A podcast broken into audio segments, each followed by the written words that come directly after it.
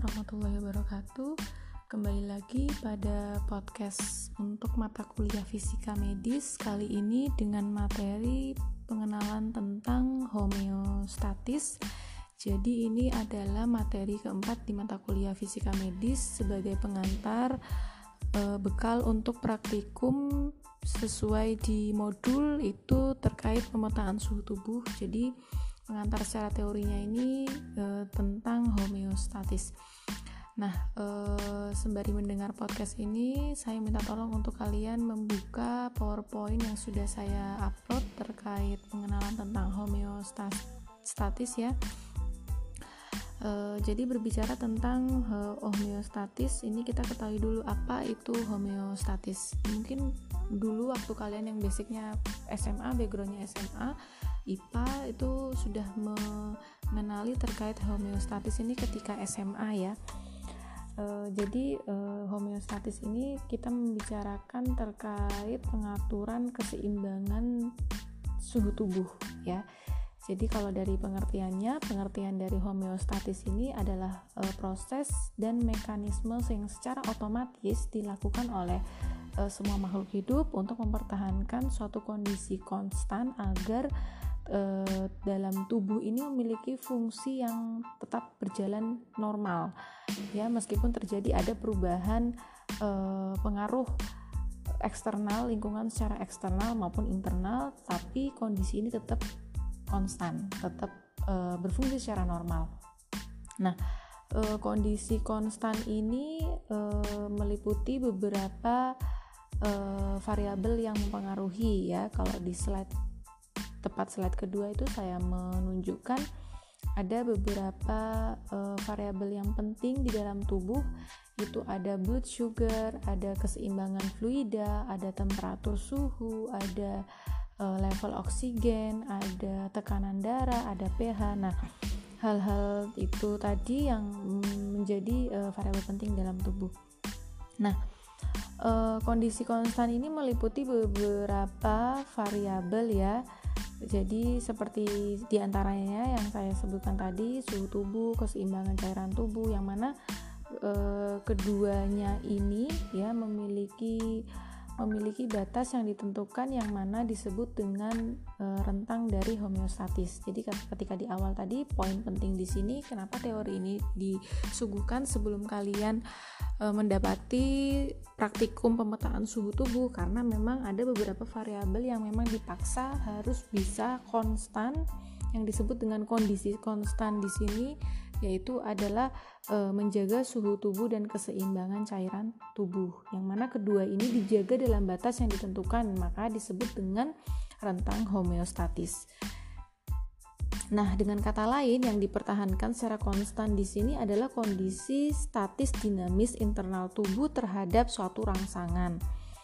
Nah, dalam mekanisme homeostatis yang penting bagi kelangsungan hidup dan fungsi normal itu eh, yang mana terjadi di lingkungan internal tubuh yang harus dipertahankan homeostatisnya.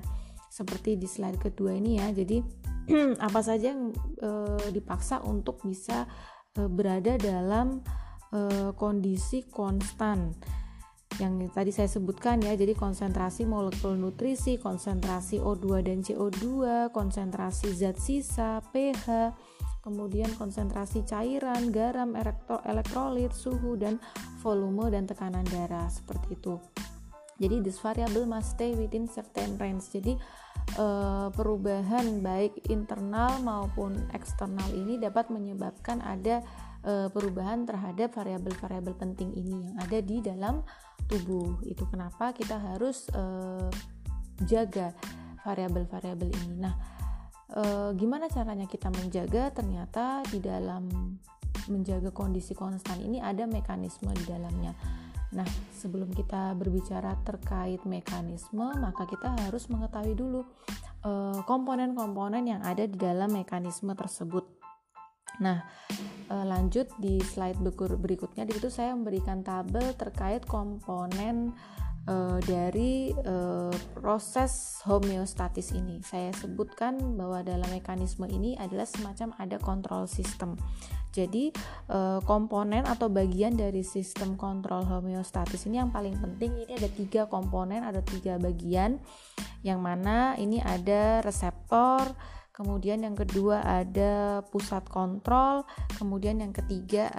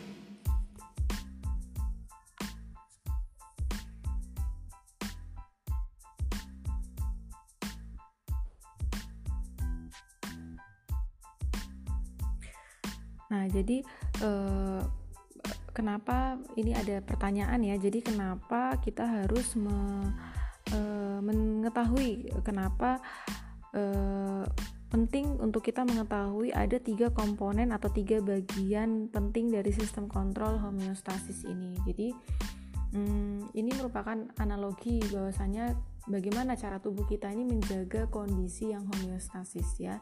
Jadi perlu kita ada analogi analogi atau kita semacam membuat uh, semacam membuat uh, analogi terlebih dahulu kenapa uh, homeostasis ini kita buat seperti ada sistem kontrol. Karena uh, tubuh kita itu memiliki uh, sistem pengaturan ya jadi sistem pengaturan ini dia berfungsi dia menjaga kondisi di dalam tubuh ini selalu dalam uh, kondisi yang seimbang. Jadi sistem pengaturan yang selalu membawa kondisi di dalam tubuh ini menuju ke arah yang seimbang. Nah, kemudian sistem pengaturan ini dipengaruhi oleh apa agar tubuh ini selalu dalam kondisi yang homeostasis. Jadi ternyata sistem pengaturan ini uh, dipengaruhi oleh ada sistem uh, pengaruh sistem saraf dan sistem hormon. Nah, jadi kita telah lagi sistem saraf ini dia mempengaruhinya dalam hal apa? Sistem hormon ini dia mempengaruhi mempengaruhinya dalam hal apa? Nah, untuk sistem saraf ini dia uh, memang fungsinya itu menyampaikan pesan yang terjadi di dalam tubuh. Nah, pesan apa saja yang terjadi di dalam tubuh yang nanti akan dia respon dan dia akan hantarkan ke eh, sinyal-sinyal uh, listrik antar uh, serabut saraf misalkan. Jadi Contoh kayak tubuh kita mendapati e, panas yang berlebih, kemudian tubuh kita mendapati konsentrasi yang mungkin konsentrasi cairan apa yang lebih lebih ekstrim, lebih dominan sehingga mempengaruhi e, tingkat keasaman, mempengaruhi pH, terus atau atau bisa saja tubuh kita e, sedang mengalami tekanan darah yang cukup tinggi. Nah, ini peran dari sistem saraf ini. Dia menyampaikan pesan yang terjadi dalam tubuh serta kemudian dia meresponnya atau menyampaikan kepada e, menghantarkan ya kalau ada sistem saraf itu menyampaikan informasi itu bahasanya menghantarkan sinyal-sinyal listrik antar serabut saraf. Nah, bagaimana dengan pengaruh dari sistem hormon? Nah, kalau sistem hormon ini e, dengan cara apa? Jadi dia e, mengeluarkan molekul-molekul pembawa pesan dari kelenjar-kelenjar hormon. Mengingat kembali hormon itu uh, ada berbagai macam jenis dan fungsinya di dalam tubuh ya. Jadi peran-perannya sistem hormon ini dia mengeluarkan molekul-molekul pembawa pesan dari kelenjar-kelenjar hormon yang uh, ikut dalam uh, aliran sistem peredaran darah di dalam tubuh. Jadi dari sini e, menunjukkan bahwa e, pengaruh sistem saraf dan sistem hormon ini adalah sangat besar dalam kondisi homeostasis. Nah, sistem saraf ini dia bekerja e, lebih cepat ya karena memang e, dalam informasi penyampaian informasi menuju otak kemudian otak me, me, me, mengirim pesan kembali kepada bagian-bagian uh, tubuh nah ini uh, sistem saraf bekerja lebih cepat Nah, sedangkan untuk uh, sistem hormon ini dia bekerja lebih lambat. Jadi maksudnya di sini kenapa lebih cepat lebih lambat? Maka dampaknya ini pun juga nanti uh, linear ketika sistem saraf dia bekerja lebih cepat, maka dampaknya pun juga nanti akan cepat. Begitu juga dengan sistem hormon ketika nanti kondisi homeostatis ini berhasil ataukah gagal, maka uh, kelenjar-kelenjar hormon ini bekerja pun juga uh, linearitas dengan uh, dampak dari kondisi homeostasis. Ya, nah, kalau pada sistem kerja hormon ini dia bekerja lebih lambat.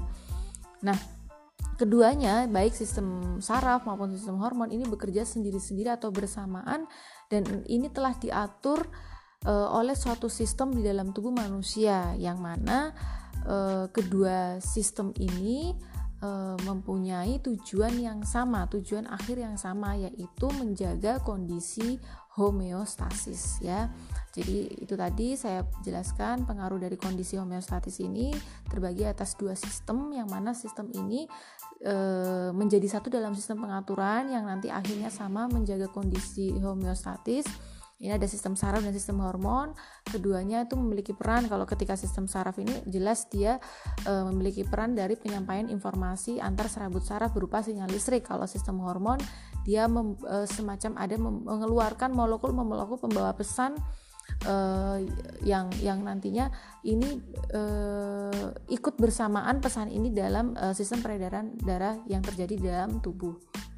Nah, uh, kembali ke awal bahwa tubuh kita ini melakukan uh, adanya sistem pengaturan dengan uh, sistem umpan balik ya jadi di di awal tadi saya mengatakan sistem kontrol homeostatis kenapa saya buat sistem kontrol karena saya uh, menganggap bahwa tubuh ini semacam ada sistem pengaturan. Nah, ketika kita sudah menganalogi bahwa kondisi homeostatis ini ada sistem kontrolnya, berarti kita harus mempelajari bagian-bagiannya dulu. Nah, bagian-bagiannya tadi ini saya buat uh, saya sebut ada tiga ya, ada reseptor, ada pusat kontrol, ada efektor. Nah, kita harus mengetahui dulu uh, bagian-bagian ini memiliki fungsinya tuh seperti apa. Nah, kalau untuk reseptor ini uh, merupakan komponen penginderaan yang memantau atau merespon perubahan lingkungan baik eksternal maupun internal. Jadi, peran dari reseptor ini terutama untuk uh, seluruh indera dalam tubuh kita ya, indera penciuman, indera penglihatan. Nah, ini yang disebut dengan reseptor, reseptor peran dia sebagai reseptor.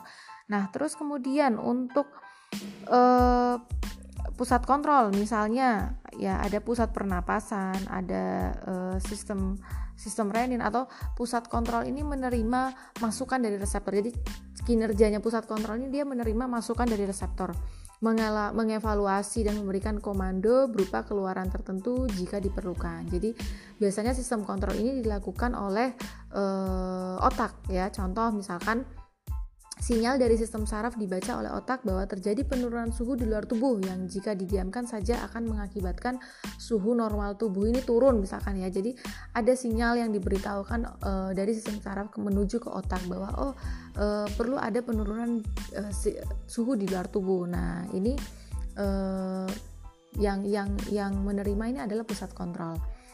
Terus kemudian e, ada informasi ya tadi sinyal dari sistem saraf yang dibaca oleh otak bahwa oh, perlu ada terjadi penurunan suhu di luar tubuh. Yang jika misalkan kalau kondisi di luar tubuh ini tidak ada penurunan suhu suhu tubuh, maka akan, akan akan mengakibatkan suhu normal tubuh ini akan turun dan menimbulkan apa ketika suhu normal tubuh ini akan turun. Nah, jadi menimbulkan kondisi yang berbahaya bagi tubuh, misalkan sehingga otak ini uh, uh, jadinya jadinya lamban me memberikan komando atau perintah pada uh, sistem kontrol selanjutnya. Jadi tadi di awal ada reseptor, ada pusat kontrol, ada efektor. Jadi bagian-bagian ketiga bagian ini uh, memiliki fungsinya itu menghantarkan pesan, menyampaikan informasi. Reseptor menuju ke pusat kontrol, kemudian pusat kontrol menyampaikan lagi pesan menuju ke efektor. Nah, jadi jelas efektor ini fungsinya adalah eh, penerima keluaran dari pusat kontrol yang kemudian mewujudkan dalam bentuk suatu respon tubuh. Jadi misalkan kita terkena air panas misalkan Nah, efek dari ending ending yang memiliki peran ini adalah efektor, sehingga kita merespon, kita mungkin kena panas, kita loncat, kita lari, kita berteriak. Nah, ini dari pesan si ref efektor. Efektor ini adalah target yang ditindaklanjuti sehingga perubahan dikembalikan ke keadaan normal. Jadi perannya kunci utama efektor itu di situ. Ya, efektor ini eh, penerima keluaran dari pusat kontrol yang kemudian mewujudkannya dalam bentuk suatu respon e, tubuh. E, dalam hal ini hampir semua organ tubuh dapat berperan sebagai efektor ya. Jadi contoh komando dari otak diterima oleh efektor. Misalnya sistem gerak ya. Jadi kayak tadi saya bilang sistem gerak itu seperti itu. E, misalkan tubuh terkena e, air panas, kemudian tubuh dengan respon dengan cepat itu e, bergerak ya, meloncat atau lari atau gimana Nah, itu sistem gerak um, akhirnya menjadi uh, efek ada sistem gerak yang bekerja. Jadi otak memberikan komando kepada sistem gerak untuk untuk bergerak ya. Dengan cara apa ya? Dengan cara uh, mungkin kalau misalkan tadi itu panas, ini sekarang kondisi misalkan uh, uh, dingin, kondisi yang di kondisi dingin misalkan demam ya. Itu kan tubuh mendapatkan mendapatkan respon baik eksternal itu ataupun internal itu kondisi suhu tubuh sedang menurun jadi kondisi menggigil. Maka sistem gerak ini dia me, bekerjanya bagaimana? Respon respon tubuh secara spontannya bagaimana? Akhirnya dia dengan cara menggigil. Dengan cara menggigil ini menghasilkan e, panas tubuh misalkan. Nah jadi itu peran-peran dari sistem kontrol homeostatis ya dari mulai awal reseptor kemudian pusat kontrol kemudian e, efektor. Nah, e, seperti di awal tadi saya mengatakan bahwa kalau kita sudah memisalkan kondisi yang mau status ini semacam ada sistem pengaturan, ada sistem e, kontrol, maka ternyata e, akan dibedakan menjadi dua bagian. Nah, ini bisa kalian lihat di kembali ke PowerPoint ya. Jadi tadi penjelasan sepanjang tadi itu memang memang e, runtun ya nanti ya. Ya, ini tadi di slide baru pembahasan tentang komponen penting dari kontrol sistemnya homeostatis. Nah, kemudian nanti dalam tiga kontrol sistem tersebut nanti ada mekanisme lagi ya cara merespon itu ternyata terbagi atas dua bagian. Nah, e, jadi ingat betul e, e, fungsi-fungsinya ya. Kalau di kalau di slide itu kan komponennya tuh ada monitor, pusat koordinasi, ada regulator. Sebenarnya sama seperti uh, yang tadi saya sebutkan ya, reseptor, pusat kontrol dan efektor. Fungsinya itu kalau di di Indonesia kan kalau untuk komponen monitor fungsinya tuh mengidentifikasi perubahan variabel. Terus kemudian pusat koordinasi itu menerima pesan dari monitor dan mengarahkan respon oleh regulator. Kemudian kalau untuk regulator itu artinya membawa respon yang diawali oleh pusat koordinasi. Jadi dia melanjutkan dari monitor, dari pusat koordinasi kemudian ke regulator. Terus untuk eh, di situ saya menunjukkan eh, ada gambar eh, otak ya. Ya, jadi hipotalamus. Nah, ini juga mungkin tidak tidak menjadi tidak menjadi hal yang hal yang apa itu ya jadi hipotalamus ini bagian terpenting dari otak karena terhubung langsung dengan sistem saraf. Nah, kenapa ini menjadi penting? Ini part of the brain, bagian dari otak yang memang sering uh, sering uh, bekerja karena dia berada di pusat koordinasi ya. Dia pes, tugasnya menerima pesan dari monitor dan kemudian menyampaikan pada regulator ya.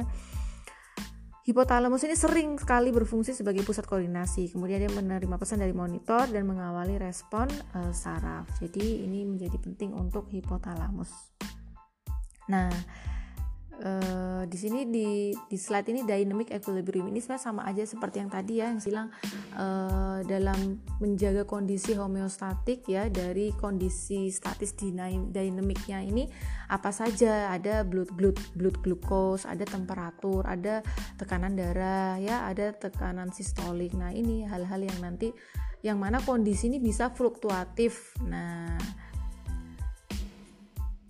Kemudian how is dynamic equilibrium maintained? Nah, jadi yang saya sebutkan tadi ternyata uh, dalam menjaga dynamic equilibriumnya homeostatis ini ada dua dua feedback ya, feedback positif dan feedback uh, negatif. Nah, apa itu?